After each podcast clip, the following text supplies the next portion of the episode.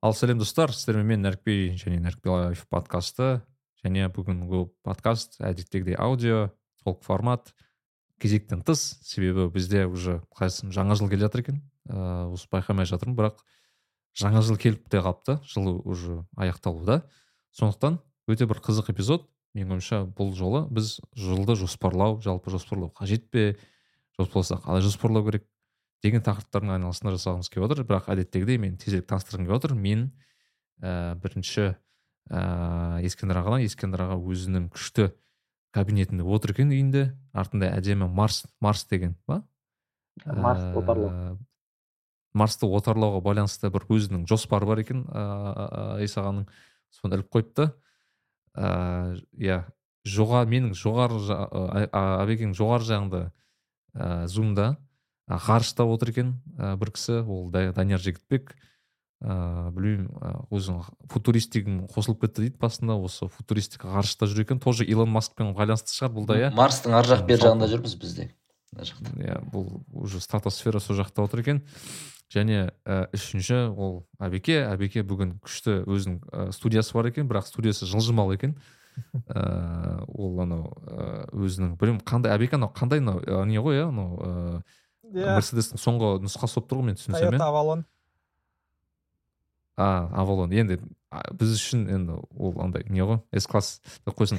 Иә абеке өзінің бір ерекше бір көлігінде отыр екен бүгін. Сондықтан бір өзі де қызық ә, подкаст болмақ. Ыыы иә сондықтан бірден мүмкін дәкеге сөз берейін. Дәке ыыы андай. Рахмет иә рахмет. Бүгінгі тақырып өте өзекті сияқты. Өйткені ә, жоспарлау ә, жалпы менің сүйікті тақырыптарымның бірі.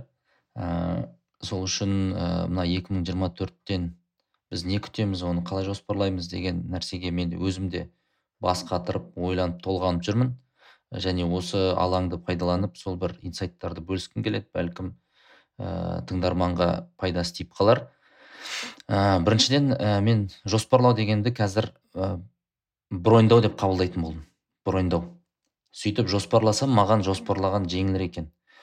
Ә, кейбір кісілермен сөйлескен кезде мысалы айтамын да ә, келесі жылдың тамыз айында мысалы мына жаққа барайық ә, қыркүйекте мынаны істейік мынаны мынаны істейік десек ол айтады да сол уақытқа жетейікші бірінші сосын сосын көреміз дейді да.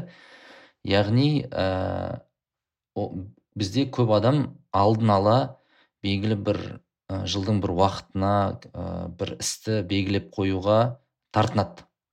Оны бір жазып қойса ол бәлкім орындалатынына сенбей ма? Жоқ әлде ол кезде ойша ойлап тұра ма? Ол кезде менің жоспарымды бұзып жіберетін бір нәрсе пайда болып қалуы мүмкін деп орысша айтқанда допускать етіп тұрады. Былайша айтқанда ойша. Бірақ ә, мен ә, осы ұстанымымды жоспарлауға деген өзгерткелі байқағаным көп жағдайда ә, ондай бір форс мажордар сенің жоспарлаған емес броньдаған нәрсеңді өзгертетін нәрселер онша бола бермейді екен. Сол броньдаған тиімді болады екен. Мысалы біз ә, айтсақ жексенбі күні осындай да осындай жиырма адам барамыз мейрамханаға хабарласып мынаны броньдап қойыңыз дейміз ғой енді. Көп жағдайда ол броньды біз атмена қылмаймыз негізі.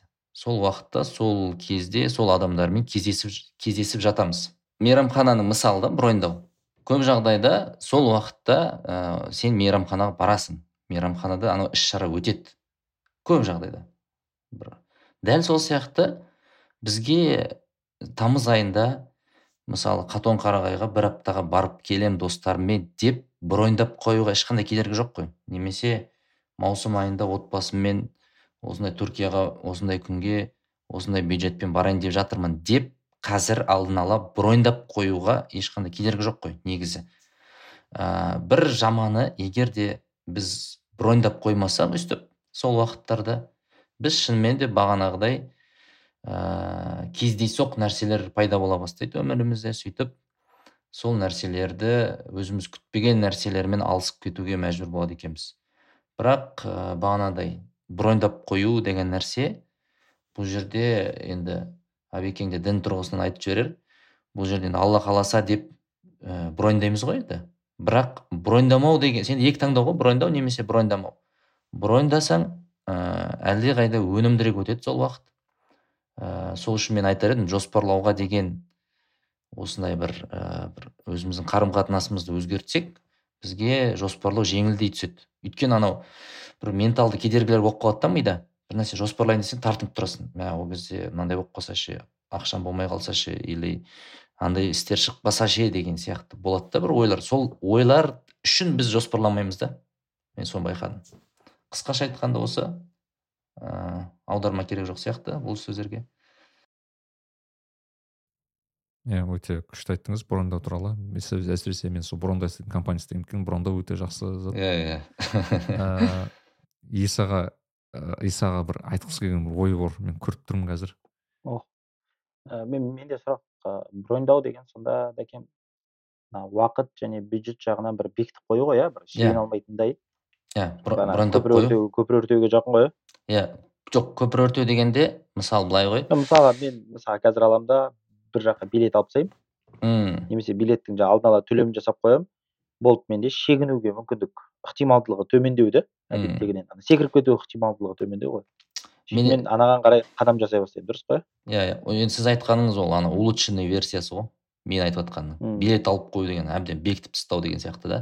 Мен билет алып қоямын бірақ дәл қазір емес ә, бәлкім үш ай қалған кезде бірақ ең болмағанда қағаз жүзінде бір ә, жоспарлау миымда бір жерде ол уақытында иә. Сіздікі айтқан ол жақын жақындағанда бәрі де рискті ескеріп мен жақын уақытта алатын едім да оны. Бірақ сіздің айтқан нұсқаңызды неге істеп көрмеске? Қазір билет алып қою мысалы арзан болса. алыс алыс жақын деген ұғымдарда не болып кететін сияқты салыстырмалы болып кетеді yeah. Иә. өйткені мысалы мен кісілерді білемін да.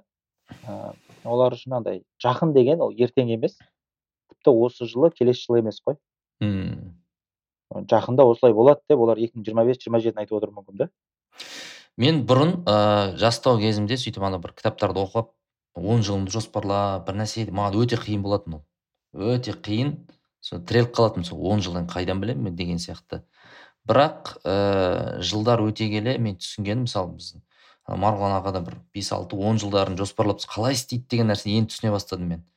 Сөйтсем мынау ә, біз өмір сүре келе бір заңдылықтарды түсіне бастаймыз да ол мысалы былтыр істеген нәрселердің көп жағдайда цикличность деген бар да өмірде. Мысалы былтыр болған нәрселер қайтадан осы жылда сөйтіп циклмен келіп тұрады мысалы көктем ә, жаз деген цикл нәрселер. Яғни дәл сол сияқты адамда ә, белгілі бір тәжірибе жинақтала келе оған алдағы жылын жоспарлау жеңіл бола береді екен. Мен соны байқадым. Бағанағыдай. Мысалы менде бір дәстүрге айналды. Әр тамыз сайын достарымызбен бір автотур жасау екі жыл. Немесе бір отбасымызбен шілде айында бір көлге бару деген сияқты бір дәстүрге айналған маған оны қазір броньдау жеңілдеп, жеңілдеп жатыр да. Сол сияқты мысалы бір кісілер болуы мүмкін жылда бір дәстүрлері пайда болғанда жылда қаңтар айында умраға баратындар бар деген сияқты. Сол сияқты ә, жылдар өте келе оңай бола беретін сияқты осылай. Бағанағыдай броньдау броньдау дейікші ал бұрын маған шын мәнінде қиын болатын өйткені өзіңнің мүмкіндіктеріңді есептей алмайсың тәжірибе жоқ та артында тұрған. Соған қарағанда адамда бір ә, жоспарлау тәжірибесі де бір қалыптасатын сияқты бір цикличностьтар пайда болатын сияқты анық көріне бастайтын сияқты ол бір отызда қырықта елуде деген сияқты. Бірақ ә, броньдау жоспарлау өте маңызды. Керемет екен. Бір ой қосып кете салсам бола ма ортаға? Мхм. Ә, мен басымдағы шекараларымды шынымен бұл бұзған кәдімгі басым жарған бір прием болды кәдімгідей вау! деген. Адамдар ә, вообще үйленбеген кісілер жиырма бес отыз жылға алды қарата жоспарлап тастайды. Яғни мен мысал ретінде қазір үйлен, үйленемін осы жылы например. Сосын барып үш жылдан кейін барып бала садикке бару керек болады. Жеті жылдан кейін барып мектепке қарай бару керек болады. Сосын барып мектепке барғаннан кейін тағы да он бір жылдан кейін ол мектепті бітіреді. Сосын барып былай жасайды деп өте грубый кесек кесек кесек кесек кәдімгідей жоспар жасайды да. Ойлап қарасаң бір жылдың өзін жоспарлау оңай емес қой. Ал сен ананың барлығын жасап шығасың да кәдімгідей әрқайсысына қанша ақша керек қалай не екендігін есептей бастайсың. Бұл ыыы әдістен ә, қызық көрген бір ә, нәтижем. Адамның басындағы шекаралар кете бастайды және де жоспарлай алу ойлай алу ыыы көкжиегі кеңейе береді да мысалы ретінде тарихи сана деген ұғым бар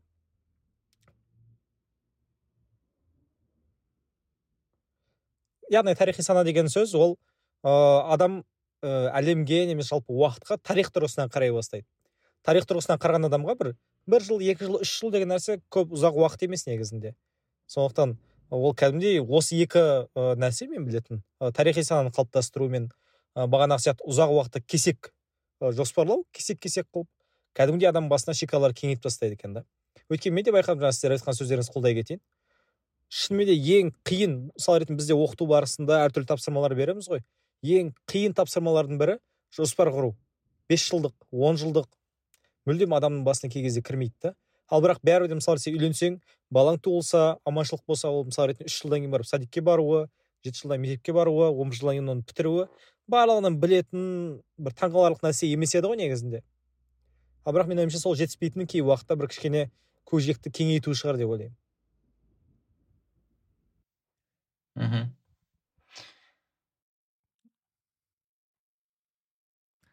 Күшті айтты абеке. Менің ойымша осы тұста әсіресе ата аналарға маған ата аналарға қызық сұрақ осы. Ата ана мен ата ана бола тұра сіздер осыған жоспарлауды қалай жүзеге асырасыздар? Өйткені мысалы мен ә, енді тұрған жерімде енді амстердамда мынандай қызық затты байқадым да.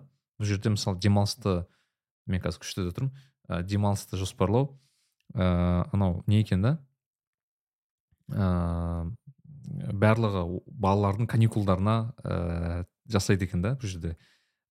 Өйткені бұл жерде өте қатты андай не бар заңдар бар. Мысалы каникул емес кезде демалуға байланысты. Сондықтан бұл жерде мысалы айтайық тіпті андай жоспарлаған кезде андай ә, нелер бар ғой. Ә, билеттердің құнын қарасаң анау каникул басталған кезде құн екі есе өседі да бірден. Өйткені мынандай ең көп алатын себебі сол да. И барлық ата ананың ә, несі ә, жоспары осы каникулдағы демалыс қой былайша айтқанда. Қызық та сондай. Яғни бұл еуропалықтардың қаншалықты ә, демалысқа жоспарлау деген көрсетеді да қаншалықты жүзеге асады бағанағы цикличность деген нәрсе бар ғой оларда да. Көп нәрсе уақыты бәрі белгілі бір дәстүрлер бар. Сол үшін ыыы жоспарлауда оларға бәлкім бір белгілі бір деңгейде жеңілірек та хаос жоқ та өйткені біледі да цикличность деген яғни сіз білетін мына ғой дәке айтып тұрғаныңыз. Мысалы айтайық сіздер бағанағы сіздің мысалыңызда да. Айтайық сіз айтасыз біз ә, мысалы тамыз айында міндетті түрде бір жерге бір жерге баруымыз керек. Сіз білесіз ол тамыз айында болады. Сізге тек ә, барлық ә, не ә, тапсырма ол сол қай жерге баратыныңды білу және соның ә, кім баратынын жоспарын жасап тастау. Кім баратынын қалай баратынын жазып тастау. Немесе айтайық та осы жыл сайын бір адамдар умраға барады қай ай баратынын біледі ә, бюджетін жазып тастайды тағы басқа. Яғни белгілі бір деңгейде белгілі бір ритуалдар жыл сайын қайталанатын кейбір қай әрбір жылдың өзінің бір ритуалдары бар иә. былайша айтқанда биыл қызық болды. Мен өзі осы броньдау әдісімен ыыы былтыр биыл ғой енді қаңтар айында айттым. Жігіттерге ол жігіттер тамыз айында біз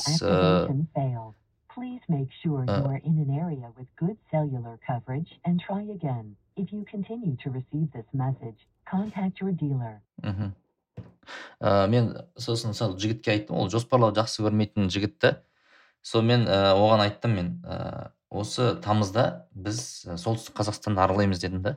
Солтүстік қазақстан төрт облысын. Иә иә иә деген ғой енді. Сөйтіп тамыз келді. Біз аралап жүрміз. Сосын айтады да мен сені ә, қаңтар кезінде айтқан кезде бұны серьезно қабылдамағанмын дейді да жай айта салған шығар деп ше андай. Болады ғой бір. Қалауыңды айта салды деген. Бірақ сол нәрсе орындалып жатқан кезде ол түсінді да ә, бұл нәрсе броньдалған нәрсе орындалып жатыр деген сияқты. Сонда ә, сонда мен былай байқағаным кейбір адамдар айтады ғой мысалы форс мажор болып қалса бір нәрсе болып қалса негізі былай тәжірибеге сүйенсек форс мажор әдетте бола бермейді өмірде. Сирек болады да форс мажор деген көп жағдайда ә, бағанағыдай жоспар бойынша орындалады көбінесе. Броньдаған нәрсең. Ә, ресторанды броньдап қойсың барасың. Көп жағдайда ресторанға барасың. Атымен аз аз болады ше. Еще задаток төлеп қойсаң оған. Бізде тіпті бар ғой мен қазақта тәжірибе бар ғой мысалы екі жас үйленеді жазды күні әсіресе оңтүстікте ана тойдың қай суббота болатынын белгілеп қояды ғой. Өйткені ол жерде бос емес та күндер. Сөйтіп анау бір бес алты ай бұрын ә, бүкіл құда жекжат бәріне айта бастайды. Міне беташарын жасап қойдық қыз келін түсіріп алдық. Міне шілденің жиырма жетісі сенбі күні болады дейді да. Және ол болады ғой сол күні әдетте. Енді болуы мүмкін форс мажор бір. Үлкендер қайтыс болып кетті тағы бір нәрсе болып қойып бірақ көп жағдайда көп тойлар солай алдын ала брондалып қойған нәрселер жүзеге асып жатыр да өмірде қарап тұрсақ. Ә, бізде негізі тәжірибе бар екен. тойды жоспарлайды дейсің ғой. Иә кейс бар да бізде ол ыыы яғни сол сияқты менің енді айтайын дегенім біз броньда броньдаудан қорықпайық. Өйткені броньды иә кез келген уақытта алып тастауға болады. Ыыы кез келген уақытта келесі неге жылжытып тастауға болады? Бірақ ол тұрсыншы бір уақытта. Деген ой ғой енді. Ана той той дегенде бір зат есіме түсіп жатыр да. Осыдан қанша? Он шақты жыл бұрын үйлендік қой отбасын құрдық. Ыыы енді біз сыныптастардың және жалпы ортамыздың қатарында біріншілердің бірі болып үйлендік те. Отбасын құрып. Сол кезде жаңағы достарымызбен я сыныптастарымызбен жолыққан кезде олар сұрайды ғой. Қалай екен үйленген? Жаңағы одан кейін жаңағы сұрайтын сұрақтары. Мейрамханаға қанша кетеді екен? Көлік жалдап жатсың ба? Қандай көлік жалдап жатсың киім жалға алып жатсыңдар ма? Тіктіріп жатсыңдар ма? Өңкей сондай сұрақ қояды да. Жаңағы тойдың мәселесіне қатысты. Мен бейхабармын ғой нөл ғой ешқандай ақпарат жоқ қой менде. Той қай мейрамханада өтетінін де білмеймін ғой мен ше. Андай ә, бұл мәселеде жүгіріп жүрген үш ақ адам бар. Ата анам сосын жаңағы жұбайым болашақ. Осы үшеуі алысып жүрген жүгіріп жүрген. Сосын жаңағы бір күні үйде отырсақ үйдегі кісі айтады сол жұбайым сіз негізі мынандай сіз болашақты жоспарлайды былай ә, сол жағынан бір байсалды қарайды деп ойлағанмын сізді дейді да енді мынандай мысалға. Мен тойға не киетінімді білмеймін ғой сондай сондай недемін да күйдемін да. Сосын ол кісілер айтады біз мейрамхананың жаңағы менюін болсын бағдарламасы жаңағы ә, лимузин дей ма соның бәрін жоспарлап жүрміз. Сіз ешқандай қызығушылық танытып жатқан жоқсыз оның бәріне сосын маған енді ақталу керек қой. Сосын мен айтамын енді біз жаңағы лимузинға мінетініміз линкольн бола ма бұл хаммер бола ма бақытымызға әсер ете ма? деймін да. Жоқ қай мейрамханада өтетіндігі әсер ете ма жоқ қай асаба жүргізетіндігі әсер ете ма? Жоқ. Екеуміздің қандай киім кигеніміз әсер ете ма? Жоқ. Ешқайсысы әсер етпейді ғой дейді да екеуміздің бақытымызға. Бірақ сіздің кім екендігіңіз сіздің қандай адам екеніңіз менің қандай адам екеніміз екеуміздің қарым қатынас құру қабілетіміз нағыз әсер ететін зат. мен үш жыл бойы осыны жоспарладым ғой деймін да. Кімді алып қандай адамды алып жатырмын деп ше енді? Сол кезде енді анау енді ана кісі енді ақталып шықты мына жерден? ол кісі ойланып қалды. Бірақ мен мынандай бір затпен түйіндегім келіп тұр да ыыы эйзенхауэрда бар ғой матрица. Ақш тың президенті болған кісі. Анау істерді шұғыл маңызды деп бөледі ғой. Сол сияқты біз кейде шұғыл істерді жоспарлауға мәстірміз ғой. Жақсы көреміз ше шұғыл істерді жоспарлауға. Оның ешқандай ықпалы әсері болмауы мүмкін негізі. Енді көп жағдайда солай ғой. Шұғыл істі жоспарлағаннан артық бір уақыттың ысырабы жоқ деп те айтуға болатын шығар. Ал керісінше шұғыл емес маңызды істерді жоспарлай алу ол ол абзалырақ сияқты менің ойымша. Енді тағы бір осыған бір мысал келтіре кетейін. Біз мысалы бірнеше ата аналар чатында отырамыз. Сол жерде мысалы баланың білімі үйренуі ақпарат алуы деген сияқты дүниелер келген кезінде ешкім ештеңке жоспарламайды ешкім белсенді емес былайша айтқан бірақ айталық жаңағы әліппемен қоштасу жаңағыдай бір мейрам тойлау балаларға киім кигізу ән айтқызу би билету десе о жабылып тұрып жоспарлайды да ана жерде. Сол сол сол да біздің мүмкін біздің басымдықтарымызды яғни приоритеттерімізді бір анықтап беретін сияқты. Жоспарлаған кезде де жаңағыдай маңызды істерді жоспарлау. Соңын мынаумен қорытындылай салайын анау бір интернетте тарап жүрген писса сияқты бір не бар еді ғой? ыдысқа жаңағы құмды тасты майда тастарды суды құятын кезде. сол кезде жаңағы тастарды салып толды ма? десе иә деп адамдар болды толды деп. Енді майда тастарды салып кейін құмды салып әлі толды толды қанша толды десе де әрі орын бар. сол кезде жаңағы бірінші тастарды жоспарлап алсақ ол бағана сіздер айтқандай отбасымен өткізетін уақыт бола ма жоқ басқа ма енді әркімнің тасы әртүрлі шығар. Сол приоритет жоғалтпаса негізі бәріне уақыт табыла ма деген ой ғой. Иә ыыы сосын мынандай нәрсе ыыы мен бір тағы көмектескен нәрсе жоспарлауда ә, бағанағыдай динамикалық жоспарлау деген нәрсе бар. Яғни қатты детальдарын білмейсің бірақ ол нәрсе бір ә, болу керек нәрсе. Мысалы мен қазір мынандай нәрсе енгізіп жатырмын ә, жұбайыммен он екі бір мәдени мәдени бір танымдық ошаққа бірге бару деген сияқты. Он екі. Бірақ нақты ол музей ма театр ма оны мен әлі білмеймін. Яғни бұл жоспарлаудың түрі былай ғой. Айына кемінде бір ә, сондай бір жерге бару. Бірақ оны мен сол ай келген кезде шешеміз біз бірге. Сондай да бір жоспарлау түрі бар. Яғни мысалы мынандай болуы мүмкін.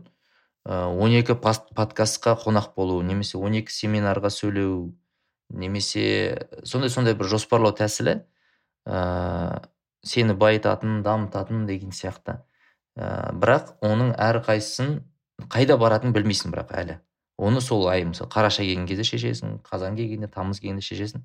Ол да бір жақсы жоспарлау сияқты бір динамика бар. Ә, әйтпесе мен қазір мынау өткен өтіп бара жатқан жылға қарасам бала шаға бар басқа бар тұрмыс қамы бір нәрсе. Шынымен де бұл нәрсе жүзеге аспаған екен. Мысалы бірге он екі рет енді жоқ. он екі рет аз сияқты көрінеді. Бірақ бұл бағанағы отбасыдағы гармония отбасындағы бір ә, жылулықты күшейтетін бір инвестициялық әрекеттер негізі. Бірақ соның өзі жоқ. Неге? Өйткені жылдың басында бір бекітпегенсің ниеттенбегенсің өзің үшін бір ә, істемегенсің да ондай нәрселерді. Көп жағдайда мен байқадым білмеймін сіздерде қалай бәлкім бұл бір ерекшелік пе екен? Мысалы мен бір нәрсені басында бір нәрсені істеймін деп ниеттенбесем жарты жолда оны істеп кету қиын болады да. Мысалы түсіндіре алдым ба осыны? Яғни ә, мен мысалы осы биылғы жылымды қытай тілі жылы деп жариялаймын өз үшін қытай тілін ә, үйренемін осындай осындай нәтижеге жетуім керек осындай осындай деп ә, бас жылдың басында ниеттеніп қоймасам ортасында ананы бір бастай алмай жүресің ііі ә, анау сонымен фокус қоя алмай кете бересің. Білмеймін сіздерде ондай бола ма болмай ма? Яғни ә, ниет мәселесі ғой бір зерттеулер бар дәке сіздің сөзіңіз өте орынды негізі. Рас шынымен де сондай бар. Зерттеулер бар соған қатысты. Рас сондай. Яғни үлкен даталарға байлау алдын ала сол сол кезде бар бастаймын үлкен датада деген сияқты нәрсе. Оған рухани дайындалуға соның кейін жүзеге асуына әсер етеді деген зерттеулер бар. Иә онда демек ә, ондай ниеттенбей қойсаң онда қиындай беру деген ол сондай бір зерттелген дәлелденген нәрсе ғой. Менде ғана емес қой демек. Сөйтіп солай мысалы былай былай болушы еді жігіттер. Мынандай болады ғой мысалы адамдарда осы желтоқсан соңы қаңтардың басында бәрібір сондай жақсы ниетпен жаңағы резолюция дейді ғой жылдық резолюция жазып жоспарларын жазып қаңтар біткенше ұмытылып кетеді ғой бәрі. Бізде болған бір уақытта сол бір топ жігіттер сөйтіп жазды да сосын мен өзіме жаңағыдай таймер қойдым тоқсан күнге. Сосын наурыздың соңы хабарластым да сол топқа ше. Не болып жатыр қалай болып жатыр деп ана бәрі ұмытып кеткен ғой. Жазған мақсаттарын ниеттерін ананы істейміз мынаны істейміз деп жаңағы күнге уақытқа байлаған дей тұрғанмен естен шығып кеткен да. Соны анау ниеттенсе де адамдар бір жаңағыдай заттар жаңағыдай бронь жасаса да күйбең тіршілікпен немесе күнделікті бір сондай іспен рутинамен жұтылып кету ықтималдылығы. Онымен онымен қалай күресуге болады? Оны қалай шешіп жатырсыздар аға мен бұны былай түсінемін ыыы ол ә, мен қазір өзімді түсініп тұрмын. Мен ана сіз айтып жатқан кісілердің де күйін кешкем. Қай, қай кезде кештім десем мен өзімнің емес біреудің мақсатын қуалаған кезде мен сондай күй кешкем. Өзімнің қалауым емес яғни бір жерден естіп алғанмын ағылшын тілін үйренсең мықты екен анау мынау деген сияқты. Ә, біреудің мақсатын қуалаған кезде менде сондай болады. Ол ниет те көмектеспейді броньдау да көмектеспейді шыны керек. Бірақ қазір менде көп нәрсе саналы. Ә, әр әр нәрсені не үшін істеуім керектігін түсінемін сол үшін ә, маған бұл көмектесіп жатыр әдістер бағана. Ниеттену ә, броньдап қою деген сияқты. Жоқ қарапайым мысалы былай да. Ә, жай жылды алмай ақ қояйықшы. Менде мысалы бір күнді ә, күн егер де ерте таңертең немесе кешінде ертең не істейтінімді өзім үшін белгілеп алмасам ә, күн басталып кеткеннен кейін маған андай қиын, қиын бола береді да қазір мынаны істеймін мынаны істеймін деген сияқты. Бір күннің өту барысында бір ә, сол жерде жоспар құрып бір нәрсе істеп кету ә, қиын. Күннің өзі сондай да мысалы ниеттенбесең бір нәрсеге. Ә, сондай болады. Бірақ сіз айтқан мәселе болды. Ол бір шарт андай. Өзіңнің мақсатың болмаса ол нәрсе. Жазу керек болғандықтан жазасың деген сияқты ғой енді. Ескендір өте жақсы мәселені қозғап кетті мен бір ә, екі ә, мәселе мені қатты ойландырып отыр бағанадан бері осы сөз басталғалы бері. Ә, бірінші мәселе жоспар. Ә, жоспар деген сөз енді қалай істейміз деген сөз ғой. Ә, бірақ одан да маңыздырағы не істейміз деген нәрсе яғни адам өзі үшін шынымен де жаңағы сіз айтқан сияқты өзі үшін не маңызды екендігін анықтау. Ә, негізгі тіпті бір қалай істеймінен де маңыздырақ сияқты менің ойымша бір инструменттерден басқадан гөрі. Бағана приоритет тақырып маған өте қатты жақын. Тіпті егер де адамның күндік жоспары жоқ болатын болса да бірақ приоритеттері нақты қойылған адам болатын болса бәрібір де ол мақсатына жақынырақ болады. Ал егер де ол адамның приоритет қойылмаған болатын болса жиырма жерден жақсы жоспар құрған болатын болса да мен үшін ол кісінің бір дәрежесі қатты жоғары деп айта алмаймын көбінше. Өйткені ол енді пожаротушениемен байланыстырақ та.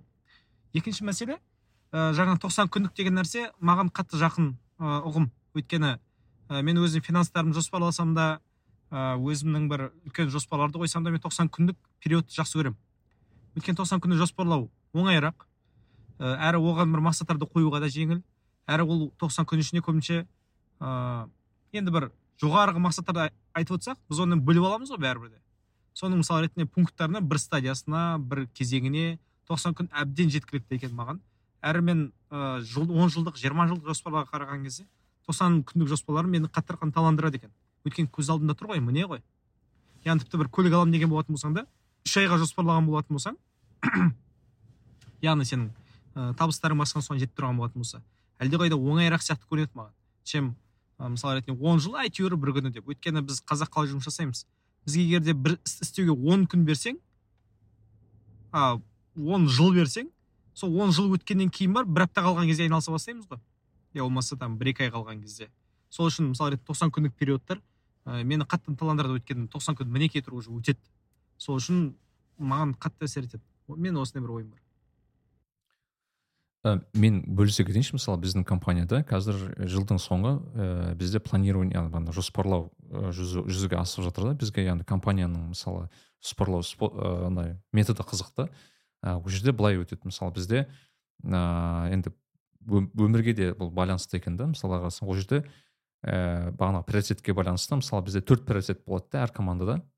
Әр командада ну төрт үш төрт сондай бір приоритеттер беріледі. Приоритеттер өте жоғары деңгейдегі приоритеттер. Ну білмеймін мысалы нан дұрыстау нан көбейту тағы басқа сатылым өсіру дегендей мысалы осындай бір деңгейдегі жоспарлар болады да. Кейін ә, біз ол ә, жоспарды эпик дейміз да эпик деген бір сөз бар. Ыыы сол эпикті эпикқа біз ыыы ағылшынша обжектив жазамыз. Обжектив деген яғни соның нақты ыыы қорытындысы не болады орындалу шарты. Типа қай шарт орындалса мен бұны бітті деп есептеймін. Қай шарт орындалса мен бұны бітті. Definition of done дейді бізде иә бірақ соған ұқсас иә то есть мысалы яғни соңында не болады мысалы айтайық біз енді букинг букинг болғандықтан былай айта аламыз. Мысалы біздің ыыы қолданушылар мынаны мынаны мынаны істей алады деген сияқты. Деген сияқты осындай бір стейтмент жазамыз. қазір окрды айтып отырсыз ғой? Ә, бұл окр қатты келе бермейді шын айтсам бұл бір элементтер бар окрдың ә, бірақ ә, көбінесе біз оны былай түсінеміз да яғни окрдың қысқаша ну классикалық түрінде ол басқашалай жасалады яғни ол жерде бағанағы андай бір бөлу бар ана грануларити бар тағы басқа. Бірақ біздің айтқым келгені ә, ең басты мәселе бұл жерде біз ә, бағанағы жоғары приоритеттен более андай бір біз түсінетін приоритеттер. Кейін планированияға келген кезде жоспарлауға келген кезде бізде бағанағы h1 h2 q1 q1 q1 q2 q3 q4 деп да яғни бір бірінші бірінші бағанағы үш тоқсан күндік екінші тоқсан күндік үшінші тоқсан күндік деп бөліп тастайды екенбіз жалпы. Біздің жұмысымыз солай бөлінеді да и бізге мысалы командаға жұмыс істеген кезде біз айтамыз да мысалы маған келген кезде айтады нәрікби мынаны қашан жасаймыз? мен айтамын мынаның примерно уақытын точно айта алмасам да примерно q екіде жасаймыз деген сияқты. Осылай жауап беруге де оңай болады и мен қазір соны түсіне бастадым да яғни өмірде де қолданысы бар екен да мысалы мен, мен примерно түсінемін. Жұмысыма байланысты мен мына заттарды осы кварталда жасай аламын деген сияқты ше. Немесе мысалы ә, белгілі бір демалысты мен осы кезде ала аламын деген сияқты. Яғни маған нақты дата білмесем де жылды бағанағы төрт кезеңге бөліп тастау өте көмектеседі екен жалпы. Бір зат қосып бір кісі айтады да жоспарлау енді анау ненің сөзі ғой? Қайтадан эйзенхауэрдің сөзі ғой. Ыыы план это ничто дейді. Яғни жоспар ол нөл. Ешқандай маңызы жоқ. Бірақ планирование это все дейді. Яғни жоспар түкке тұрғысыз бірақ жоспарлай алу ең маңыздысы деп тұр да. Бізде көбінесе сол жастар жаңағыдай мысалы бір жоспар құрады. Сосын қаңтарда жаңағыдай жыл басталатын кезде сосын ол жоспар келесі жылы еске түседі ғой жыл бітіп жатқан кезде. Мәселе ода емес. Мәселе сол жоспарды икемделе алуда ғой. Және мынандай бір мысалмен келтіреді осы тоқсандыққа келетін сияқты. Адам бір жылға жоспар құру қате дейді. Мысалы сен екі мың жиырма төртке жоспарын құрдың қазір мысалы қаңтардың басында. Жаңағыдай күйбең тіршілікпен ұмытылды келесі жылы желтоқсанда есіңе түседі ғой сен ештеңке жоғалтпаған адам сияқты қазір интернетте де хит болып жатыр ғой. Жас ана жоспарды сәл түрлендіремін де жаңағы доллардың курсына қарай сәл икемдеймін де қайтадан келесі жылға қолданып кете беремін ғой. Және менде сезім бар мен ештеңке жоғалтпадым. Мен бір жыл үш жүз алпыс бес күнім кетпеген сияқты сезім бар да менде. Ал енді адам егер бес жылға жоспарласа дейді да мысалы мен бірінші жыл бір заттарды жоспарладым жаңағы көлік алу сияқты ма дүние болсын басқа болсын мен бұны орындамасам сол жоспар мына қалған төрт жылдың қасына барып мына жердегі мақсаттарды ығыстырып жаңағы ары тұрш деген сияқты ол жаққа ығысатынын түсінеді дейді адам. Яғни ол бір жылды жоғалтқанын сезінеді. Жаңағы жылды тоқсанға бөліп тастаудың логикасы да сол ғой. Мен мысалы бірінші тоқсанды орындамасам оны мен екінші я үшінші тоқсанында орындауым керек екендігін мен сезінемін да. Яғни мен ана жерде қысылып жатқанымды уақытпен мен әр күнімнің салмағы бар екенін сезіну осы ғой негізі керек жоспарлау дегеніміз. Ал бізде бұл сезім жоқ. Мен ештеңе жоғалтпайтын сияқты жүре беремін. Сонымен андай жыл сайын сол бір жоспар ғой. Жылымның жылдан айырмашылығы жоқ қой қысқасы. Яғни бұл жерде айтып келген жоспар бағана қағаз жүзіндегі қағаз жүзіндегі жоспар ештеңе емес бірақ жоспарлай жоспарды икемдей алу жоспарды күнде қолдана алу өте керемет екен. Мен мысалы өз басым осы жылы шыны керек оған дейін болмады бірақ осы жылы соған келдім. Мысалы айтайық ә, менде мысалы календарь бар ғой. Кәдімгі жұмыс календарында google google календарда мен мысалы бөле, бөле бастадым. Мысалы өйткені менде рутина көп болып кетті да жұмыста и менде андай хаос басталды кәдімгідей. Сол кезде мен жоспарлаудың ә, нағыз қажет екенін түсіндім да. Мысалы айтайық мен ә, сағат алтыда өзіме мынандай бір блок қойып қойғанмын ә, келесі күннің жоспарын жаз деген. Өйткені менде өйткені дәке айтпақшы таңертең тұрған кезде мен жоспарым болмаса менде андай каша болады да күні бойы не болатынын білмеймін анау істеу керек мынау істеу керек еді. Ал мен таңертең тұрып мен бүкіл задачаларымды біліп тұрсам кімге звондау керек кіммен сөйлесу керек кімге не жазу керек бәрін ә, алдын ала жазып қойсам менде жұмысым жеңіл екенін түсіндім. Мысалы ол бір екі мысалы менде андайлар басталады мысалы менде кейбір ә, жұмысымда кейбір заттарды күн сайын тексеріп отыру керек та. Мысалы менде ну, жұмысыма байланысты. И ұмытып кете беремін. Ұмытып кету оңай өйткені сен жұмыстан ә, анау сөйлейді мынау сөйлеседі. Параллельно көп жұмыс істеп жатады. Сен ұмытып кетесің. Соны да мысалы мен жаза бастадым. Мысалы сағат екіде осыны тексер деп жазып қойғанмын. Маған уведомление келеді да мен а есіме түседі. А мынаны тексеру керек екен деген сияқты.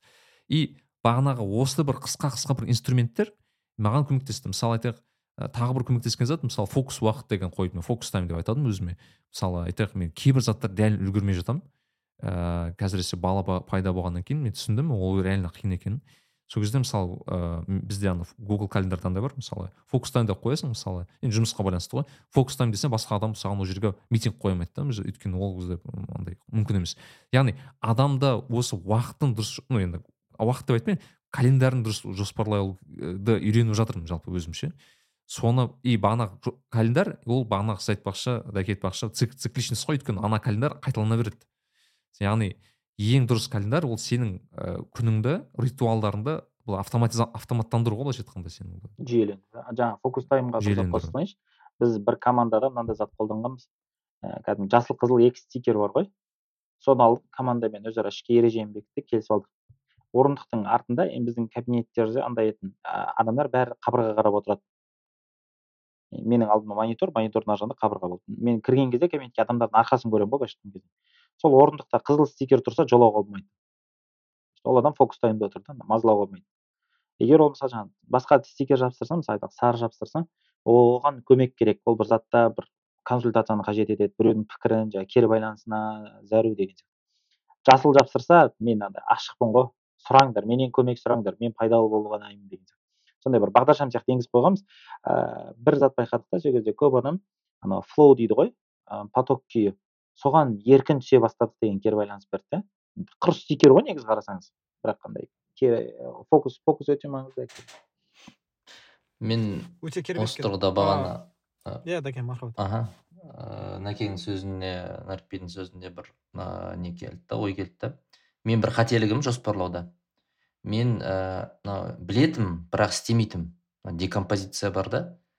Біз үлкен бір жылдық мақсатымызды қойғанымыз өте әдемі дұрыс. Бірақ ары қарай оны бөлшектерге бөліп бірінші төртке бөлу кварталға бөлу сосын айға бөлу сосын ә, аптаға бөлу сосын күнге бөлу деген нәрсені мен оны күшін сезетін білетін бірақ еш ә, былайша айтқанда өміріме қолданбайтынмын сол үшін де бағанағыдай көп іс тақалған кезде істеледі бәрімізге таныс жағдай ғой. Бірақ оны болдырмауға болатын еді. Мен қазір мысалы бір ә, жоспар қойдым. Бұл енді кітап оқуға қатысты жоспар. Бірақ өмірдің басқа салаларына да қатысы бар деп ойлаймын бұның мысалы мен бір жылда елу кітап оқығым келді дейік. Енді бөлсек ә, айына ә, не ғой төрт кітаптан ғой айына төрт кітаптан. Сонда ә, 90 күніңде 12 кітап оқуың керексің. Ай сайын төрт кітап оқуың керексің. Апта сайын бір кітап оқу керексің дегенге келеді. Бірақ менде сәл басқаша. Өйткені ә, бір кітапты бір аптада бітіріп тастасаң оны сіңіріп, сіңіріп үлгере алмайсың. Сол үшін мендегі стратегия ә, мысалы өмірдің төрт саласына қатысты бір бір кітаптан таңдап соны бір ай бойы оқу. Яғни төрт кітапты бір ай бойы оқисың. Сонда есептесем ә, шамамен ә, бір айда төрт кітап оқылу керек қой енді. Бұның декомпозициясы мынандай болады екен. Енді орташа кітап 300 бет десек сонда мен ә, бір айда 1200 бет кітап оқысам төрт кітап оқыған боламын. Енді оны отызға бөлсе 40 бет болады да. Сонда былайша айтқанда менің ә, күндік нормам ол 40 бет екен. Мен осы нормамды менің фокусым ана бір жылды ойлауда болмайды да. Менің фокусым бүгінгі 40 бет қана. Мысалы таңертең тұрамын мен білем бүгінгі 24 сағаттағы бір уайымым немесе бір басты ә, маңызды ісім ол 40 бет. Деген нәрсемен жүрсем ә, нәтижесінде стрессіз 40, 40 бет деген ол стресс әкелетін объем емес негізі. Есесіне стрессіз жылдың соңында менің мен мақсатыма жетем. осы нәрсені өмірдің басқа салаларында да қолдануға болады.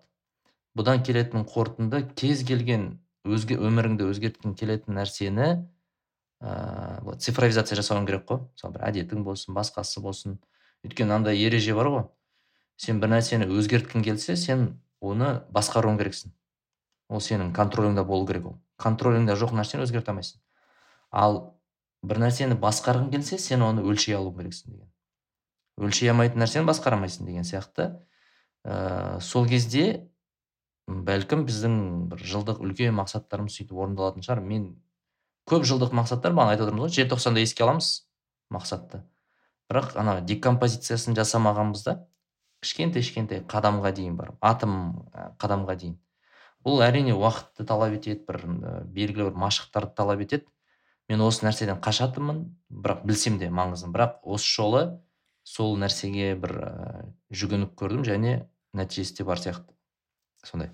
Тоқсан күннен кейін ә, жалпы сіздер менде бір сұрақ та бар тоқсан күнге байланысты. Тоқсан күннен кейін мысалы еске аға мысалы дәке сіздер мысалы қайта қайта ревью жасайсыздар ма қайтадан соны қайта тексеріп мысалы айтайық мынау мынау жоспар істеді мынау істемеді немесе ыңғайластырып бағанағы динамикалық ойластырып мына мынаны можно мынаны істемесек те болады екен деген сияқты. Мысалы бізде ағылшын селф ретро дейді ғой сондай бір жасайсыздар ма өздеріңіз аға жауап бересіз ба мен тоқсан күн емес ай, ай сайын жасауға тырысамын мен өзім жоспарларды өйткені бағанағыдай дәкең айтқандай андай болуы мүмкін да сенікі емес жоспарлар шығуы мүмкін.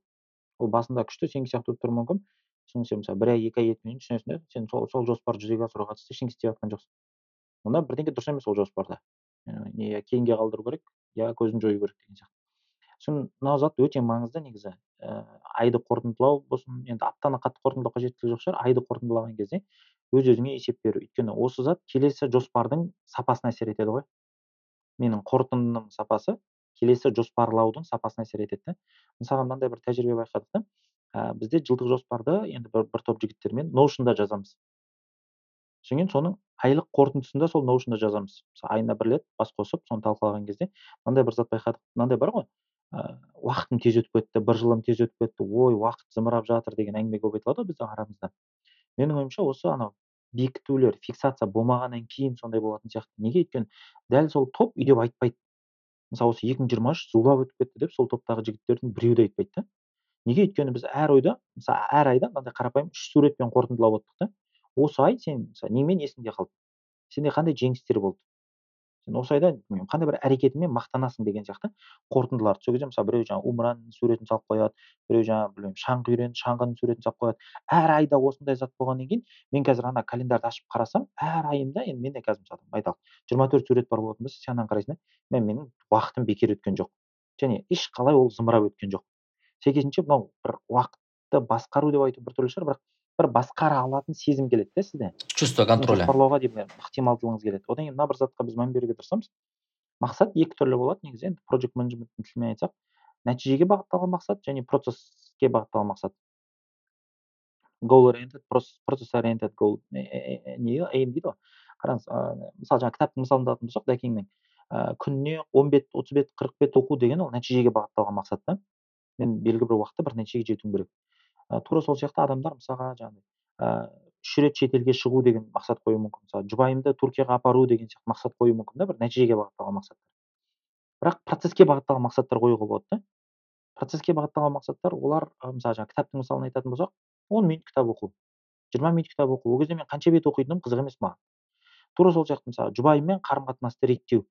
Арада терең қарапайым қарым қатынас құру деген сияқты процеске бағытталған мақсаттар кезде ол кезде мен жүз рет кездесемін ба мен мың рет кездесемін ба жоқ шетелге мүлдем шықпаймын ба жоқ одан да көп шығамын ба?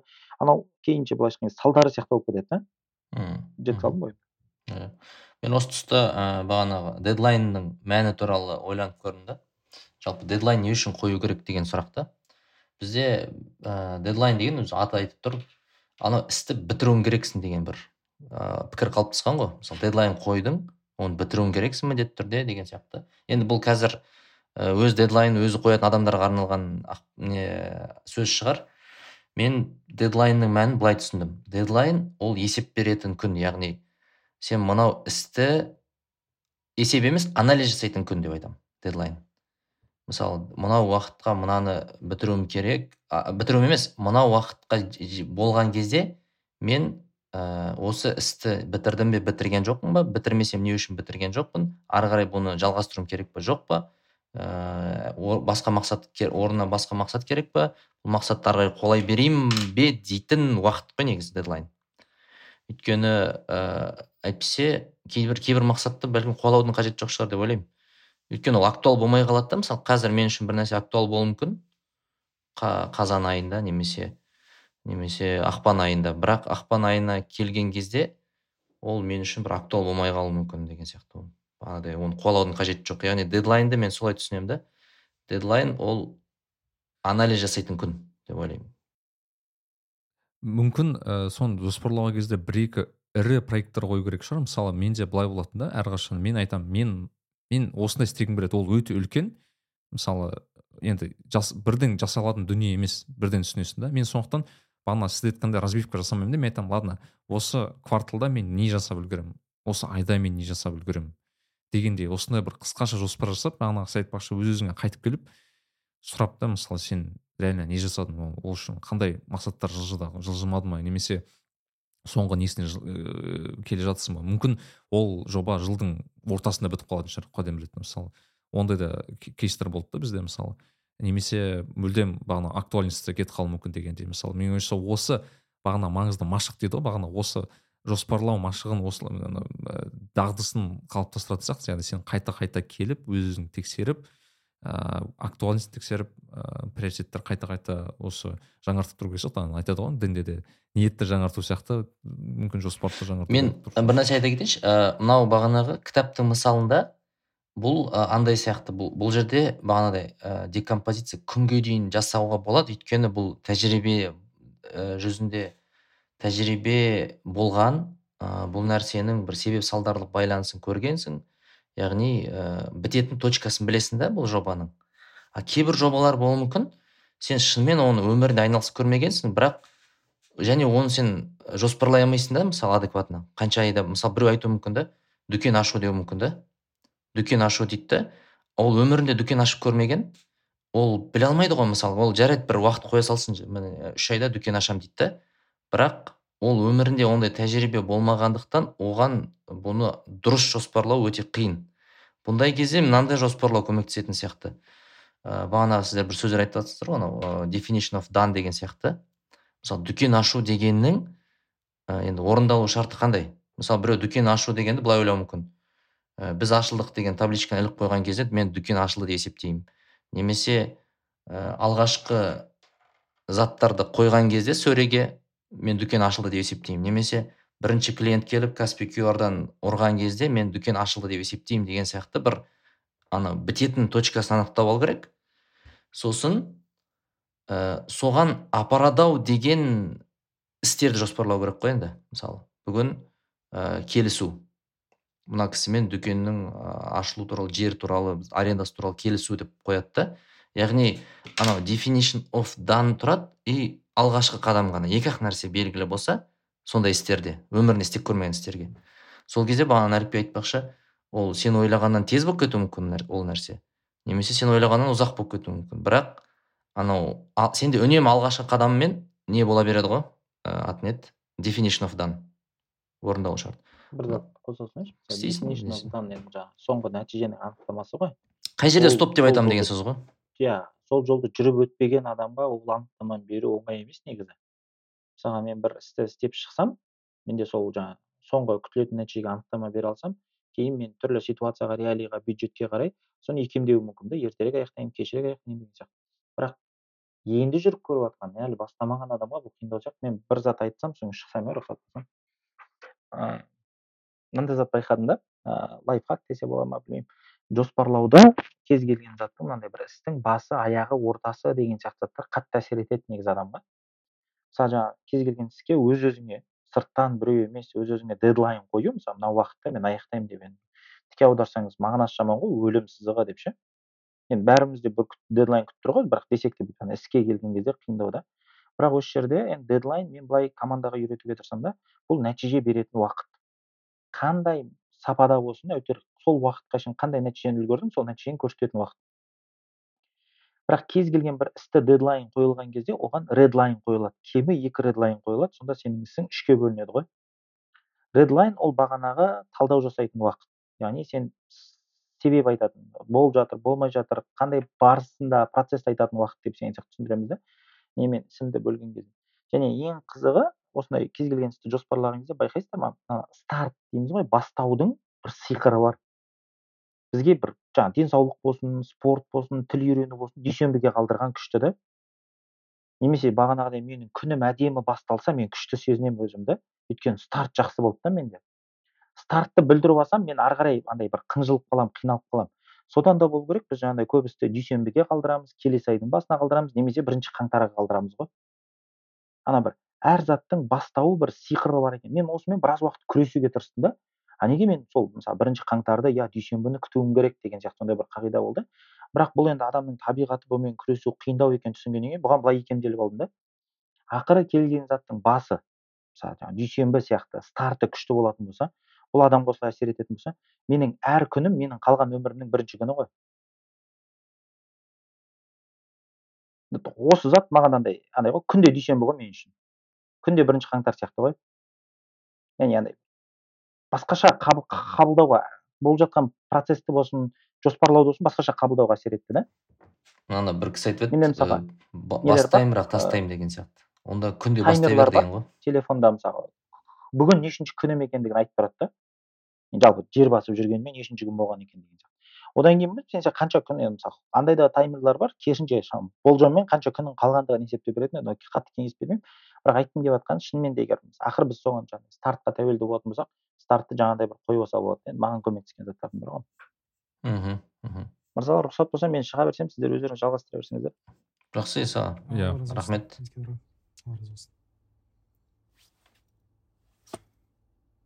Бұл жерде әбеке бір күшті зат айтқысы келіп отыр. Мен сезіп тұрмын.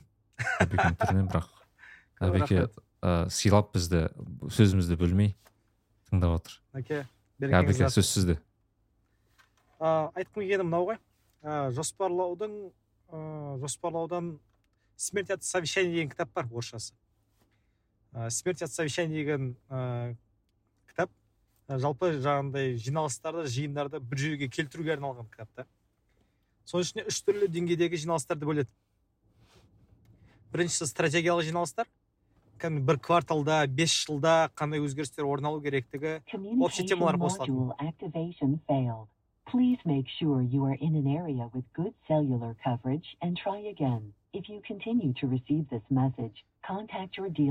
Tamam. Contact your dealer, please. Evet. араласа берді мынау әйел кісі в общем қысқасы бірінші деңгей сол стратегиялық жиналыс ол үш айда бір ақ мәрте болады. И ұзақтығы өте ұзақ. Үш бес сағат болады.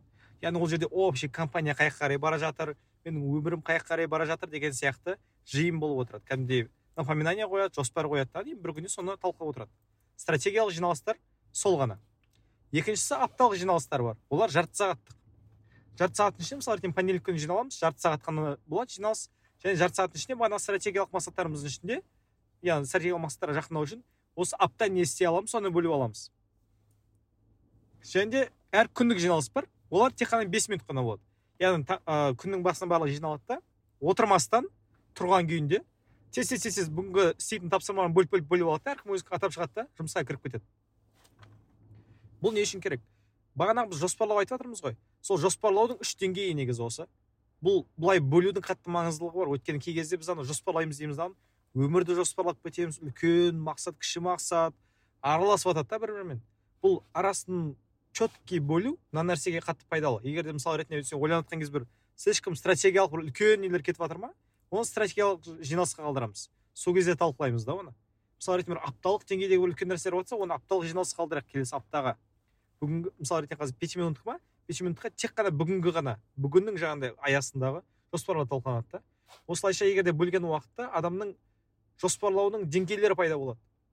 И бағанағы декомпозиция яғни үлкен жоспарларды үлкен мақсаттарды кіші мақсаттарға қарата бөлу және де арманмен ғана шектеле бермесе іске кірісу үшін осындай үш жиналыстың арасын бөлген да. И әрқайсысының өзінің ұзақтығы бар. Күндік жиналыс тек қана бес ақ минут яғни біз күнімізді жоспарлайтын кезде бес ақ минут уақыт құртуымыз керек. Аптаны жоспарлайтын кезде жарты сағат құртуымыз керек. Және де бағанағы өмірлік немесе жалпы стратегиялық мақсаттар жоспарлайтын кезде өзі үш бес сағат отырып тіпті қажет болатын болса бізде жігіттер гостиница жалдайды. Сосын барып сол жаққа кіреді дағыда сосын алдағы тоқсан күнді немесе жалпы стратегиялық ыыы жоспарлар жасайды. Оны стратсессия деп атаймыз. Яғни осылайша бір ақылдасып отырып ойын айтып отырып жаңағыдай ол кісілер пісіріп береді әрі өйстіп қыздырып отырып жаңағы ұзақ уақытты жоспар құрылады да.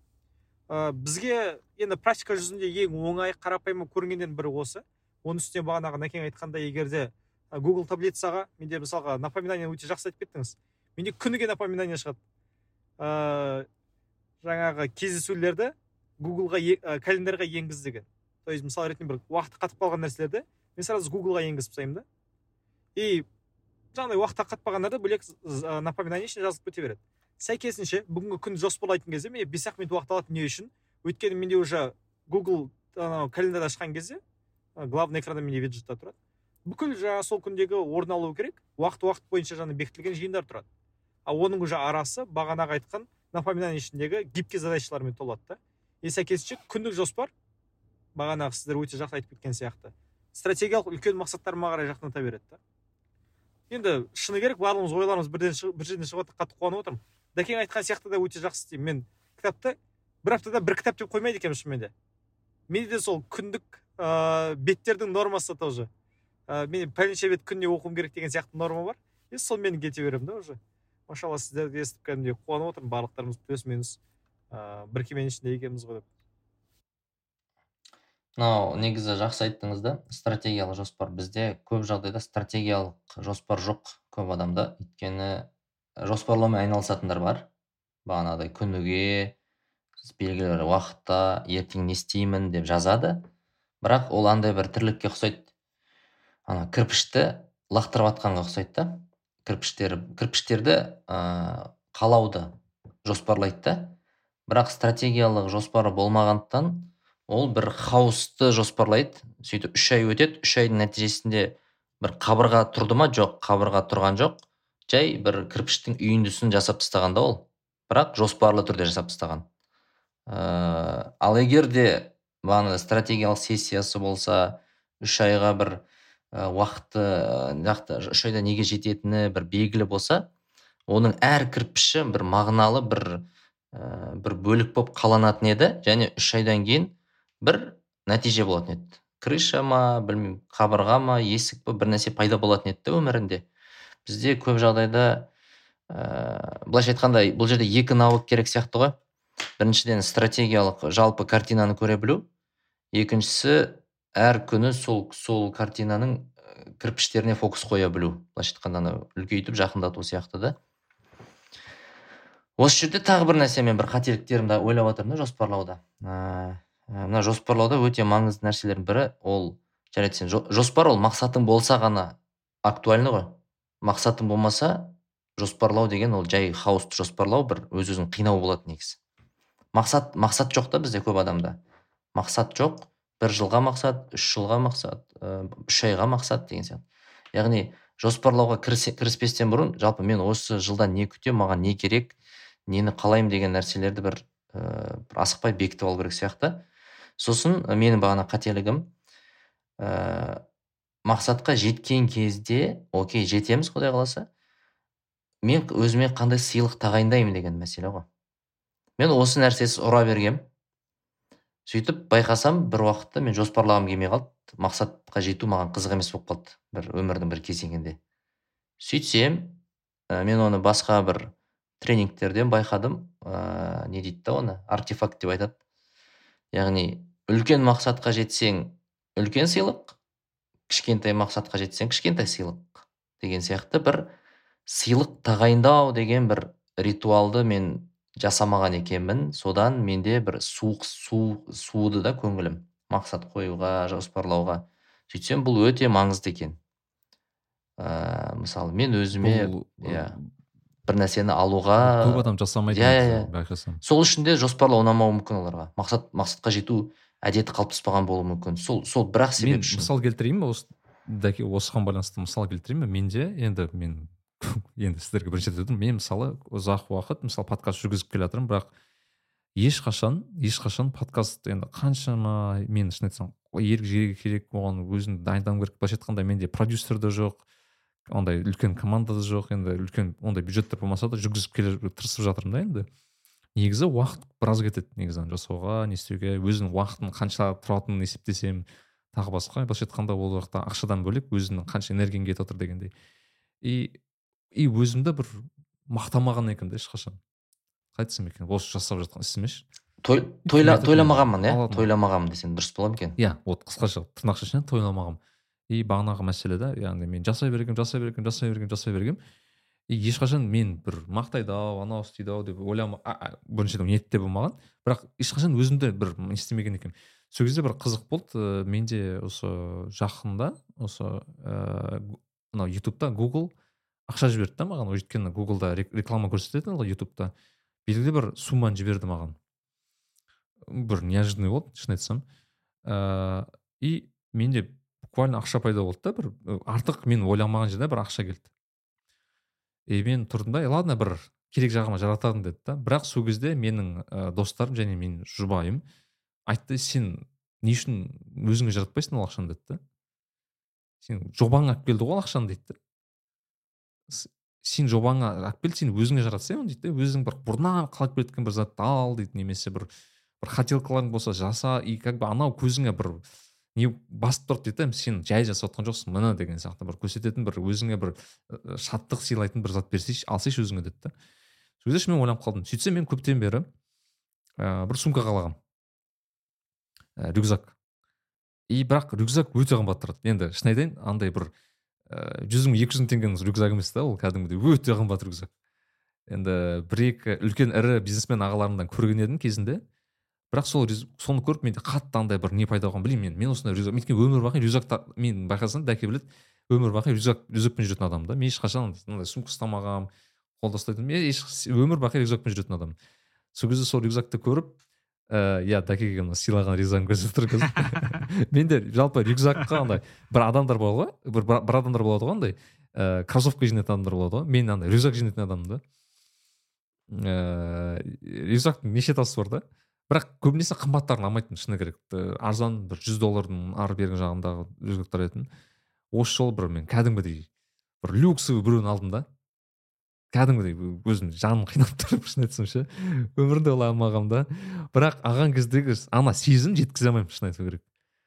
Ұстаған кезде бағанағы бар ғой киген кезде бір сондай бір білмеймін ерекше бір сезім береді екен шынымен ше андай бір ііі бұл да жайдан жай жасалып жатқан жоқ деген сияқты. Білмеймін енді өзім сондай бір жеке нем бар сол үшін айтқанмын ғой мен жалпы өзіңе бір тағайындау маңызды екен бір нәрсе бұл жерде тұрған айып жоқ негізі. Ә, енді мүмкін сіз ойлап жатқан шығарсыз енді ол дүние құмарлық емес па деген сияқты. Асылы нәпсімен тәрбиеде ә, бірнеше әдіс бар. Мысалға бір әдіс сен нәпсіні сындыруға тырысасың прямо. Ә, екінші ә, екіншісі бірыңғай жаңағыдай марапаттай бересің үшіншісі договорға отырасың. И осы договорға отыру сіз айтып жатқан нәрсе. То есть мысал ретінде изначально мен өзіме мысал ретінде қаламай тұрамын ғой бір например мен ә, тренировкаға баруды қаламай тұрамын да іштей. Барғым келмей тұрады ерініп тұрамын шаршап тұрамын жаңағындай. И осы уақытта егер де мен нәпсіммен келісімге келсем ей нәпсім давай кел бірінші қазір тренировкаға барайық қатысайық. Сосын шыққаннан кейін егер де қаласаң ә, біз барып білмеймін шопинг жасаймыз. Я болмаса ә, жаяу қыдырып қайтамыз. Мысалы бір уақыттар мен үшін ол самокат болды. Ыыы ең бірінші осы самокаттарға отыра бастаған кезде мен үшін кәдімгідей о бір праздник болатын кішігірім қатты ұнап қалды маған. Я болмаса жылқыға міну деген сияқты.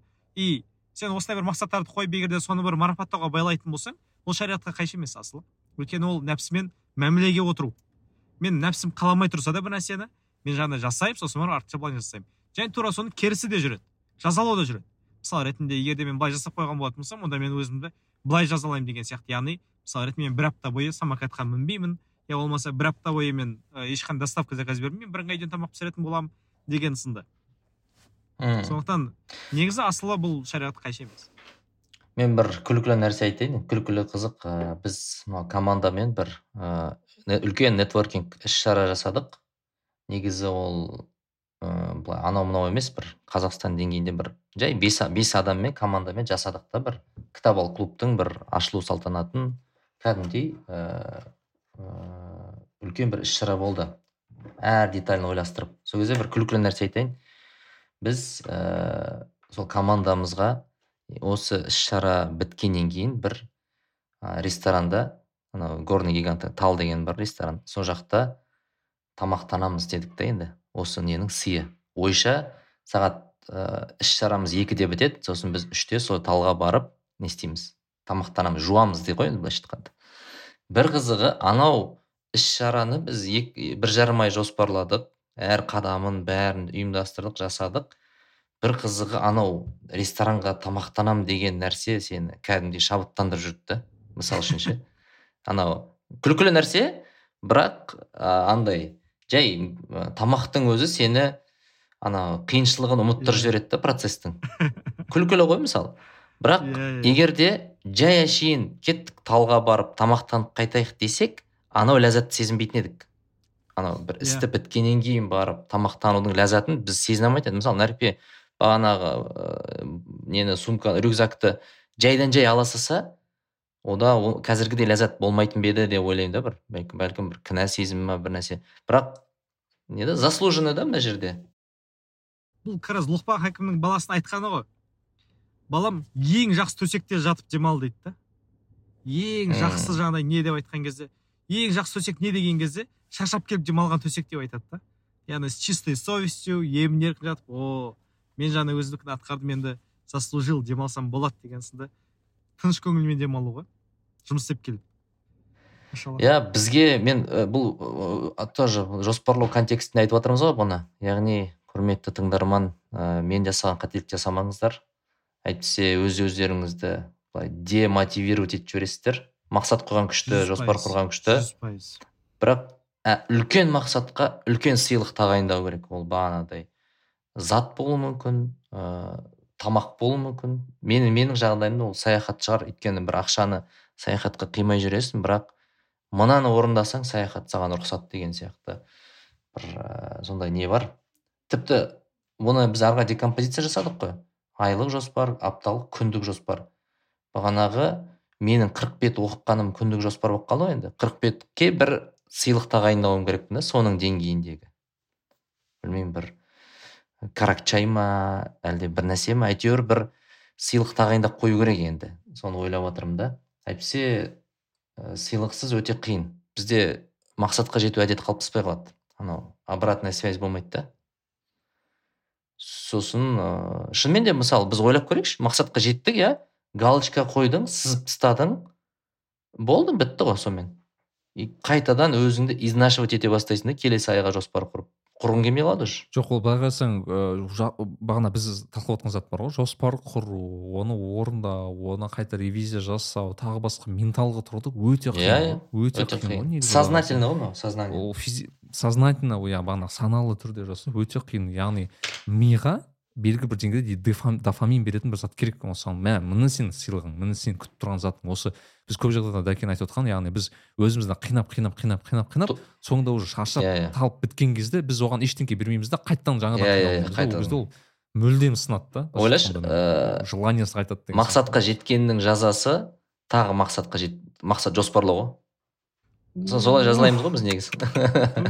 Мынаны кәдімгі футболкаға шығарып киіп алу керек қой міне міне мына жерде жазылып тұр міне. Нәрікби бүгін нәрікбидің спонсоры нәрікби мынау нәрікби берген мынау футболканы міне қараңыздар. Мен вообще нәрікби болмағанда қазір білмеймін қалай отыратын едім міне мынау рюкзак міне.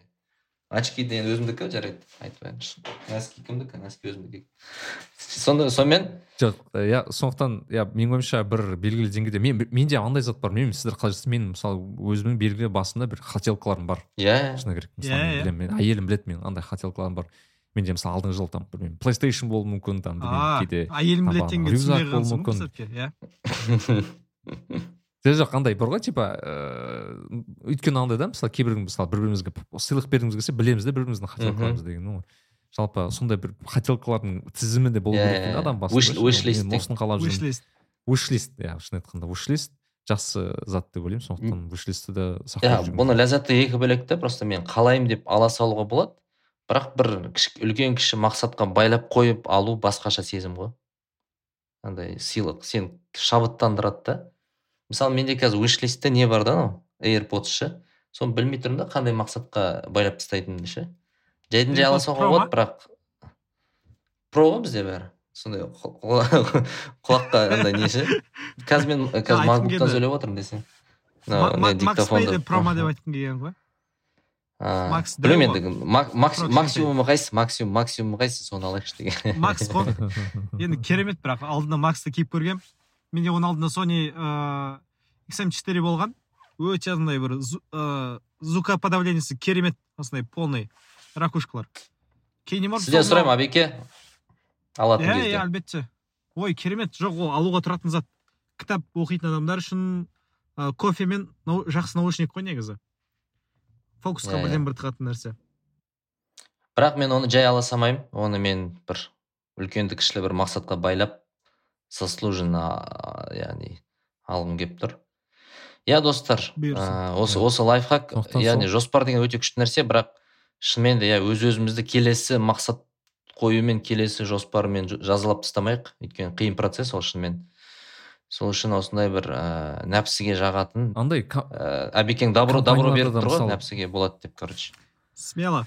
Андай компанияларда мысалы белгілі бір нәтиже орындаған кезде де бір биржа корпоратив немесе бағанағы бір жаққа шығару тағы басқа бар ғой. иә, иә, иә. мысалы айтады мысалы сатылым жақсы болса тағы басқа. Бұл да менің ойымша адамға да тиесілі сияқты болып көрінеді маған.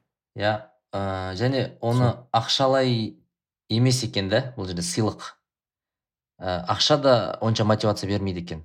Жай цифрлар ғой былай қарасаң. Мысалы бағанағы сумма түсті ғой ютубтан мінекей. Ол сумма просто цифрлар ғой былай қарап тұрсаң.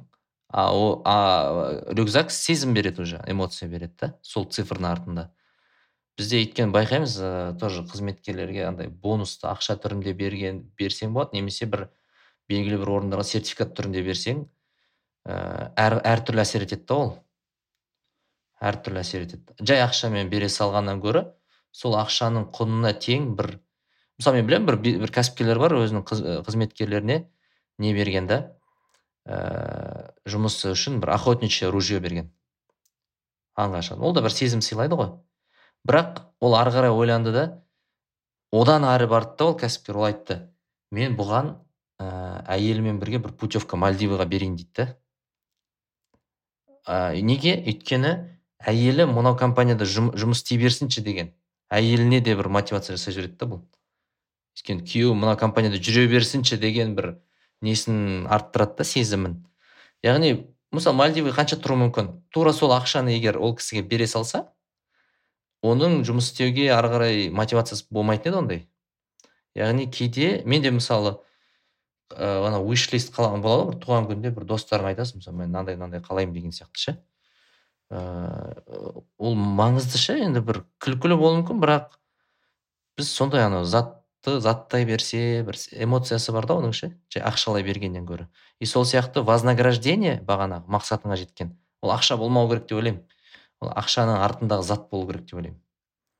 Сол кезде ә, көмегі болады сияқты бұл әдістің негізі.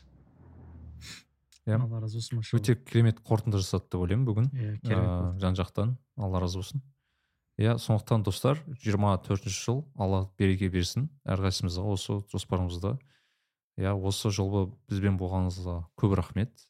Енді бұл да бір қорытынды подкаст шығар осы жылдың. Сондықтан біздің осы жобамыз аллада берекесін берсін деп тілеймін дұға етемін ә, келесі жылы ә, бұйырса ә, өте көп осындай пайдалы да ә, сіздерге де пайдалы да бізге де пайдалы болатын сондай бір подкасттар жасады деген үміттеміз дұғадамыз. Сондықтан сол ә, ағалар ә, сіздерге рахмет. алла разы болсын. осы жылы бізбен бірге осы жобамызда қатысып таңғы бесте де болсын ә, жоспарда дәл мысалы абеке қазір тіпті көлікте отырып жазып отыр осыны. Сондықтан алла разы болсын.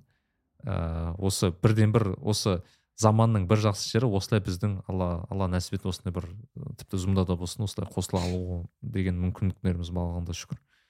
Сол достар көп рахмет. Ә, келесі жылы алла өте көп сіздерге нәтиже алып келсін деп ойлаймын. Amin.